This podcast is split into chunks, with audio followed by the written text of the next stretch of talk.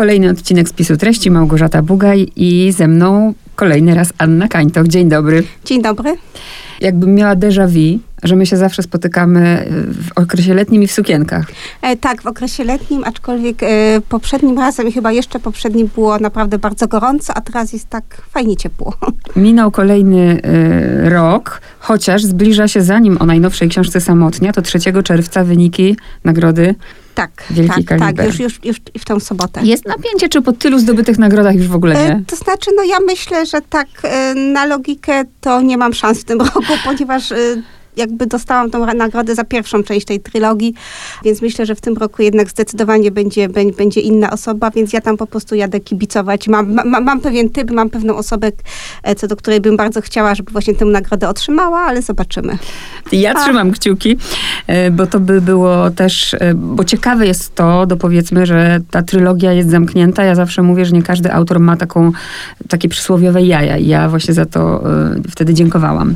A teraz Samotnia, chociaż łatwo, nawet jak się gdzieś z daleka e, patrzy, to łatwo rozpoznać, że to są książki Anny Kańtoch, nawet jakby nie widzieć nazwiska. M- mówię o grafice, prawda, że one są w tej samej konwencji zawsze. E, tak, tak, to, to, to, to za- zawdzięczam właśnie pracy wydawnictwu, wydawnictwa Marginesy. Naprawdę bardzo, bardzo pięknie są wydane te Tak. książki, bardzo w takiej a, jednolitej i wyróżniającej się szacie graficznej.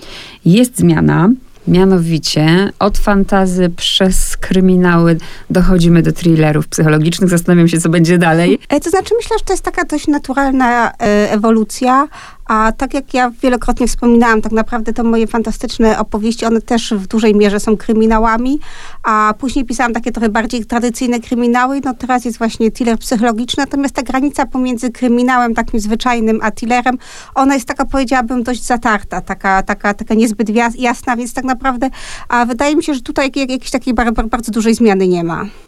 Będę się pilnować, bo wiadomo, że tu nie można znowu niczego za dużo zdradzić, ale to chyba mogę, że i, i, i tu mnie pani zaskoczyła, ponieważ zaczynam czytać, a obie też ostatnio o tym rozmawiałyśmy. Ja odsyłam do naszych poprzednich rozmów, nie będziemy powtarzać, e, że obie też miałyśmy taką fascynację Stephenem Kingiem. I jak zaczęłam czytać tę książkę, to mówię, no Misery, moja ukochana Misery. E, a na 50 bo- bodajże którejś stronie e, jakby jest to ewidentnie nawiązanie. I sobie myślę, Wow, to mnie tutaj pani Anna Kantok za- zaskoczyła, bo najpierw sobie pomyślałam, aha, czyli coś takiego jak Misery, ale później ona ewidentnie mi zaznacza, że jest podobnie jak w Misery. E, tak, to znaczy no, po prostu zorientowałam się, że jakby ta sytuacja faktycznie troszkę, troszkę przypomina przynajmniej w punkcie wyjścia e, tą taką słynną książkę Kinga, a ponieważ e, główny bohater jest pisarzem, jest osobą oczytaną, więc byłoby trochę dziwne, gdyby on jakby nie zauważył takiego właśnie nawiązania, więc pozwoliłam sobie dopisać fragment, w którym on sam jakby mówi o tym, że, że czuje się troszkę jak bohater Misery. I to było fajne. E, I przy Misery to jest chyba jedyna książka, gdzie ja wolę film niż książkę. E, Naprawdę. Przepraszam Stephena Kinga, ale Katy Bates w tej roli jest po prostu fantastyczna. Przypomniały mi się jeszcze dwa filmy. Jednego tytułu, jeden tytuł to pamiętam na pewno i nie będziemy tam zdradzać oczywiście, żeby nie zabierać, ale to był, nie wiem, czy pani widziała ten film, Sublokatorka z Jane Fondą. E, tak, tak, widziałam. Także tu mamy Widziałam e, dawno- takie skojarzenia. Tak, dość dawno temu, ale widziałam Tak, faktycznie. a drugi, nie pamiętam tego tytułu, to było jeszcze jak VHS-y były. Był taki film, w którym, e, to, to nie bezpośrednio jest z tym związane, ale że bohaterka tego filmu jakby widziała wszystko, ona też była po jakimś urazie, że ona jakby widziała wszystko pięć minut później. I dlatego widz był przerażony, nie? Bo, bo jakby to już się stało, a my widzimy to pięć minut później. I miałam takie skojarzenie dlatego, że główny bohater pani książki, Leon Cichy, jest po wypadku ociemniały w tym, bo, bo traci wzrok i jest jak właśnie, tak jak, tak jak ta bohaterka, właśnie nie widzi. A oprócz tego, że nie widzi, no to jeszcze jest po wypadku, no to wielu rzeczy nie pamięta, przynajmniej z tej, Tak. z tej początkowej, no w ogóle nie pamięta, i gdzieś trzeba budować siebie na nowo. E, I to było dla mnie najbardziej cieka ciekawe I, i o tym na pewno porozmawiamy, ale zawsze, żeby zaspokoić tego słuchacza, jeśli chodzi o taki fabularny schemat, żeby go wprowadzić, to. To znaczy, ja chyba mogę po prostu e, tutaj jakby podać mniej więcej to, co jakby wydawca podał Tak. na ten tytuł książki. To jest historia pisarza, który wiódł sobie takie bardzo szczęśliwe, beztroskie życie. Był takim dzieckiem szczęścia, któremu się wszystko udawało. Jego książki się świetnie sprzedawały. Miał, miał żonę, którą kochał, albo przynajmniej no, do pewnego stopnia kochał, z którą, a, z którą był bardzo związany i później zaczyna się takie pas, pasmo tragedii. Zaczyna się wszystko od tego, od momentu, kiedy ta jego właśnie żona żąda rozwodu i tak naprawdę nie podaje żadnego jakiegoś takiego bardzo, bardzo konstruktywnego powodu, dla, dla, dlaczego właściwie. Oni się rozwodzą, y, główny bohater wyjeżdża, żeby tam złapać oddech za granicę i za granicą poznaje nową kobietę, a to jest taki bardzo, powiedziałabym, szybki, taki właśnie troszkę wakacyjny romans. Oni biorą, oni biorą ślub, a wracają do Polski i w tym momencie jakby tuż po, tuż po powrocie e, główny bohater ulega właśnie poważ, po, poważnemu wypadkowi, traci wzrok, po czym jest, zostaje zabrany przez tą właśnie świeżo poślubioną żonę do domu, a no i tutaj zaczyna się jakby główna oś akcji, czyli główny bohater wydaje się, zaczyna w pewnym momencie podejrzewać, że ta osoba, która z nim mieszka, być może nie jest tą kobietą, którą on poślubił. Natomiast no, cały kłopot polega na tym, że tak naprawdę nikt tej kobiety oprócz niego nie znał, ponieważ on jej po prostu nie zdążył przedstawić rodzinie, wysłał tylko jedno zdjęcie, takie niezbyt wyraźne, więc tak naprawdę nikt poza nim nie jest w stanie jej rozpoznać, a on, tak jak, tak jak powiedziałam, stracił wzrok, a musi polegać w tym momencie wyłącznie na, na, na, na, na słuchu, jest w stanie stwierdzić, że owszem, głosy są podobne, ale być może nie do końca podobne. No i tutaj się właśnie zaczyna taka, powiedziałabym, no dość no rozgrywka pomiędzy tak, nimi. Tak, i zabawa w ogóle dla nas, bo my też nie wiemy na przykład na ile coś jest jego wyobraźnią, a na mm. ile coś się dzieje, bo jest przecież po wypadku. Tak, cała kwestia tego, te, tego wypadku też jest taka dość, powiedziałabym, niejasna, ponieważ on został potrącony przez samochód, kiedy, kiedy po prostu znalazł się na środku, w środku nocy, po prostu wyszedł na drogę i tak naprawdę nie wiadomo po co on w ogóle tam wychodził, a on tak ma dziury w pamięci, nie jest w stanie sobie przypomnieć wszystkich właśnie e, szczegółów, szczegółów z tego wieczoru. Co ja sobie przypomniałam, jak czytałam tę książkę, to to, że w dzieciństwie bawiłam się, przynajmniej w, nie wiem, czy pani się w to bawiła, przypominam sobie właśnie w osobę, która nie widzi, czyli zawiązywałam sobie oczy i chodziłam i e, oczywiście przesądy, a mówię o nich celowo, dlatego, że tu matka głównego bohatera też jest taka przesądna i tam msze na osiemnastki, to też słyszałam, że nie rób tak, bo to po prostu coś tam przywołasz, wywołasz. Ciekawa jestem, skąd właśnie pomysł, żeby, żeby tego bohatera pozbawić e, wzroku. To znaczy, to pomysł też się wziął z filmu, ja tytułu nie pamiętam. Będziemy chyba mieć razem mnóstwo, mnóstwo filmów, których tytułów nie pamiętamy. A to była z kolei historia, to, to był horror w ogóle, e, historia a kobiety, która wraca do domu po operacji plastycznej, czyli taka po prostu pokryta tymi bandażami na, na, na twarzy, a i mieszka z dwójką dzieci, tam podejrzewam chyba dwóch chłopców było. Ci chłopcy zaczynają podejrzewać, że tak naprawdę z tego szpitala nie wróciła ich matka, tylko że po prostu pod tymi bandażami skrywa się jakaś tam obca, groźna osoba.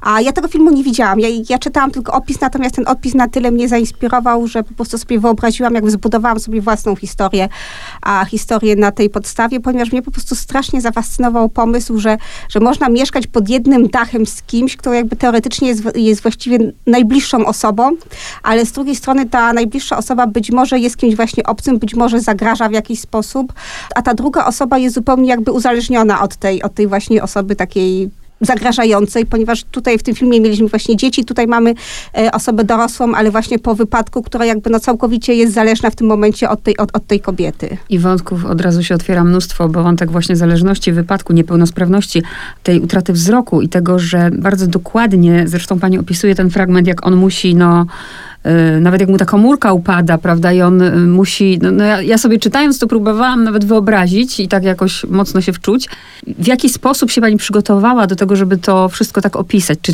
czy jakieś wywiady z ludźmi ociemniałymi, czy po prostu na czuja tak zwanego? E, to znaczy miałam pomoc y, koleżanki, która właśnie zawodowo zajmuje się pracą z takimi właśnie osobami ociemniałymi, więc to raz też troszkę eksperymentowałam na własną rękę właśnie z próbami robienia czegoś tam z zamkniętymi oczami, czy tam zawiązanymi, a jedna, jedna sytuacja była dość zabawna, ale te, te, tego akurat e, fragmentu w ogóle w książce nie ma, bo ostatecznie stwierdziłam, że, że to byłoby chyba zbyt trudne, ponieważ pierwotnie tam był, tam, tam był taki moment, kiedy główny bohater dostaje wiadomość, znaczy numer telefonu jakby wydziurkowany na kartce i jest w stanie po prostu przesuwając palcami przeczytać ten numer, ale stwierdziłam, że jednak, jednak w przypadku osoby, która dopiero niedawno ten wzrok straciła, to byłoby to, to to byłoby być może, być może troszkę za trudne mm. dla niego i ostatecznie zmieniłam, e, zmieniłam tę scenę. Natomiast było tak, że ja ten fragment podrzuciłam na sekcję literacką, czyli tam do przeczytania właśnie koleżankom i kolegom.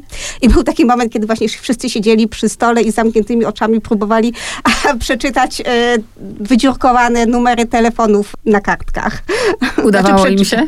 Właśnie tak pół na pół. Mhm. I dlatego ostatecznie z tej sceny po prostu zrezygnowałam. Mam wrażenie, że to po prostu musiało być bardzo, bardzo duże te cyfry musiało musiałoby być, żeby, żeby to jednak była pewność, jaka to jest właściwie cyfra. To tak jak czasem ktoś w, w dzieciństwie się też bawiłam w to pisanie na plecach, prawda, że ktoś Tak. mi coś... To był dla mnie wątek naprawdę ciekawy, bardzo ciekawy. Drugi, który sobie y, zaznaczyłam, to też miałam skojarzenie. Mam nadzieję, że jak to powiem, to też nie zdradzę za wiele. Nie, nie zdradzę za wiele.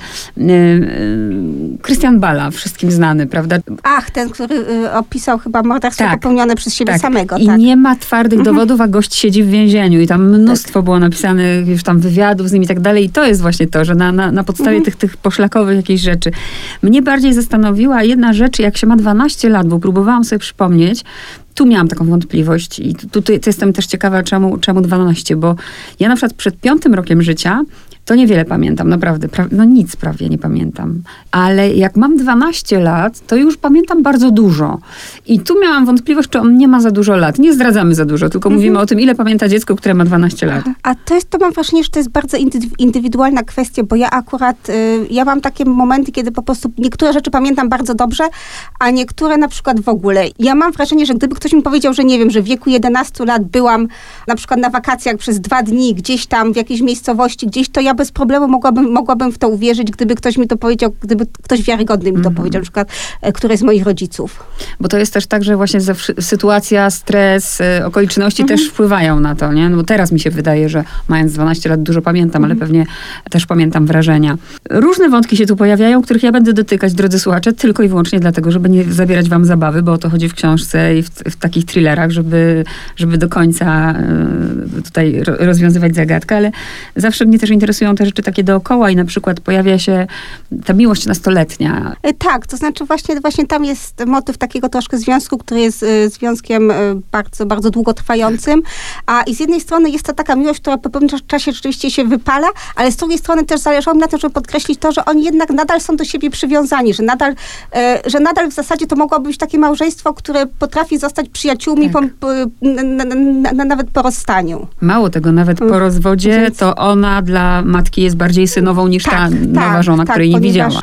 Tu jest duża rodzina, nie? Tu jest duża Mhm. rodzina i to, co mnie zdziwiło na przykład, bo mogę się odnieść do, do, do siebie i do mojej malutkiej rodziny, gdzie my nigdy, ja zawsze zazdrościłam moim koleżankom, że, że nie wiem, podczas Wigilii było 30 osób, obchodzenie się z kuzynostwem i tak dalej. I czytałam to z taką trochę zazdrością, bo, bo ja nigdy czegoś takiego nie miałam i też jestem ciekawa, czy odwoływała się tu pani do E, swoich To znaczy, ja jestem też z mniejszej rodziny zdecydowanie, a więc dla mnie to też było takie troszkę opisywanie czegoś, co ja być może, być może bym chciała, chciała mieć w życiu, takiego być może siłowania się jakby właśnie z czymś, z pokazaniem czegoś, czego, e, czego, czego, czego, czego nie doświadczyłam. Mhm.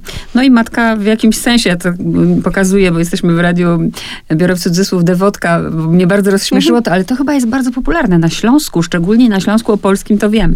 Właśnie, dawanie mszy na osiemnastkę. Tak. Mamy tak. tu też taką typową e, rodzinę, taką tradycyjną, katolicką, E, można tak, powiedzieć. Tak, to jest taka dosyć tradycyjna rodzina i tam zresztą główny bohater, on ma taki, powiedziałabym, skomplikowany jakby związek być może z tą rodziną, no bo on z jednej strony wiadomo, jakby to mm, nie do końca mu to wszystko pasuje, co, co, co, co w tej rodzinie jest, a z drugiej strony jednak jest z nią cały, cały, cały czas związany i widać, że ta rodzina jest po prostu dla niego ważna w pewien sposób. I ta matka, która się wydaje tą kwoką, tak. nie? Na- Odwiedzająca go, Tak. nachodząca. Niby ktoś by powiedział, że opiekuńcza, ale dla mnie toksyczna w tym Mhm. momencie. A z drugiej strony właśnie on już nie pasujący do tego schematu. No i rodzina też typowo piorąca brudy. Tak, dokładnie. Tam jest też ten, ten cały schemat, że jakiś tam, no jeżeli coś się dzieje złego w rodzinie, to nie mówimy o tym na zewnątrz, tylko staramy się po prostu to jakoś tam we własnym zakresie rozwiązać. To, co sobie zapisałam, to, że zmienia pani lokalizację. I byłam ciekawa. Pierwsze, co przyznaję się, przyszło mi do głowy, Anna Kańtoch odwiedziła Tomka Duszyńskiego, pojechała do Strzelina. Dlatego tam. Bo zmienia... Dolny Śląsk, zupełna E, tak, zmiana. tak, dokładnie. To znaczy e, z Dolnego Śląska pochodzi rodzina mojego męża. Tam właśnie rodzice mojego męża mieszkają a w Strzelinie, czyli dokładnie tam, gdzie Tomek Duszyński. Podobno, podobno nawet znalazł się jakiś e, wspólny, wspólny, daleki krewny, na czym mojego męża właśnie i, i Tomka, więc muszę powiedzieć, że jakieś tam powi- po, powiązania, co prawda, bardzo dalekie są. E, ja zresztą znam, znam dobrze Tomka i, ten, i, i bardzo bardzo się lubimy. A ja bardzo lubię w ogóle te rejony. To znaczy, wydaje mi się, że one są takie rzeczywiście bardzo, bardzo inspirujące, jeśli chodzi właśnie, właśnie o powieści, zwłaszcza kryminalne, bo tam jest dużo takich, powiedziałabym, ciekawych historycznie miejsc.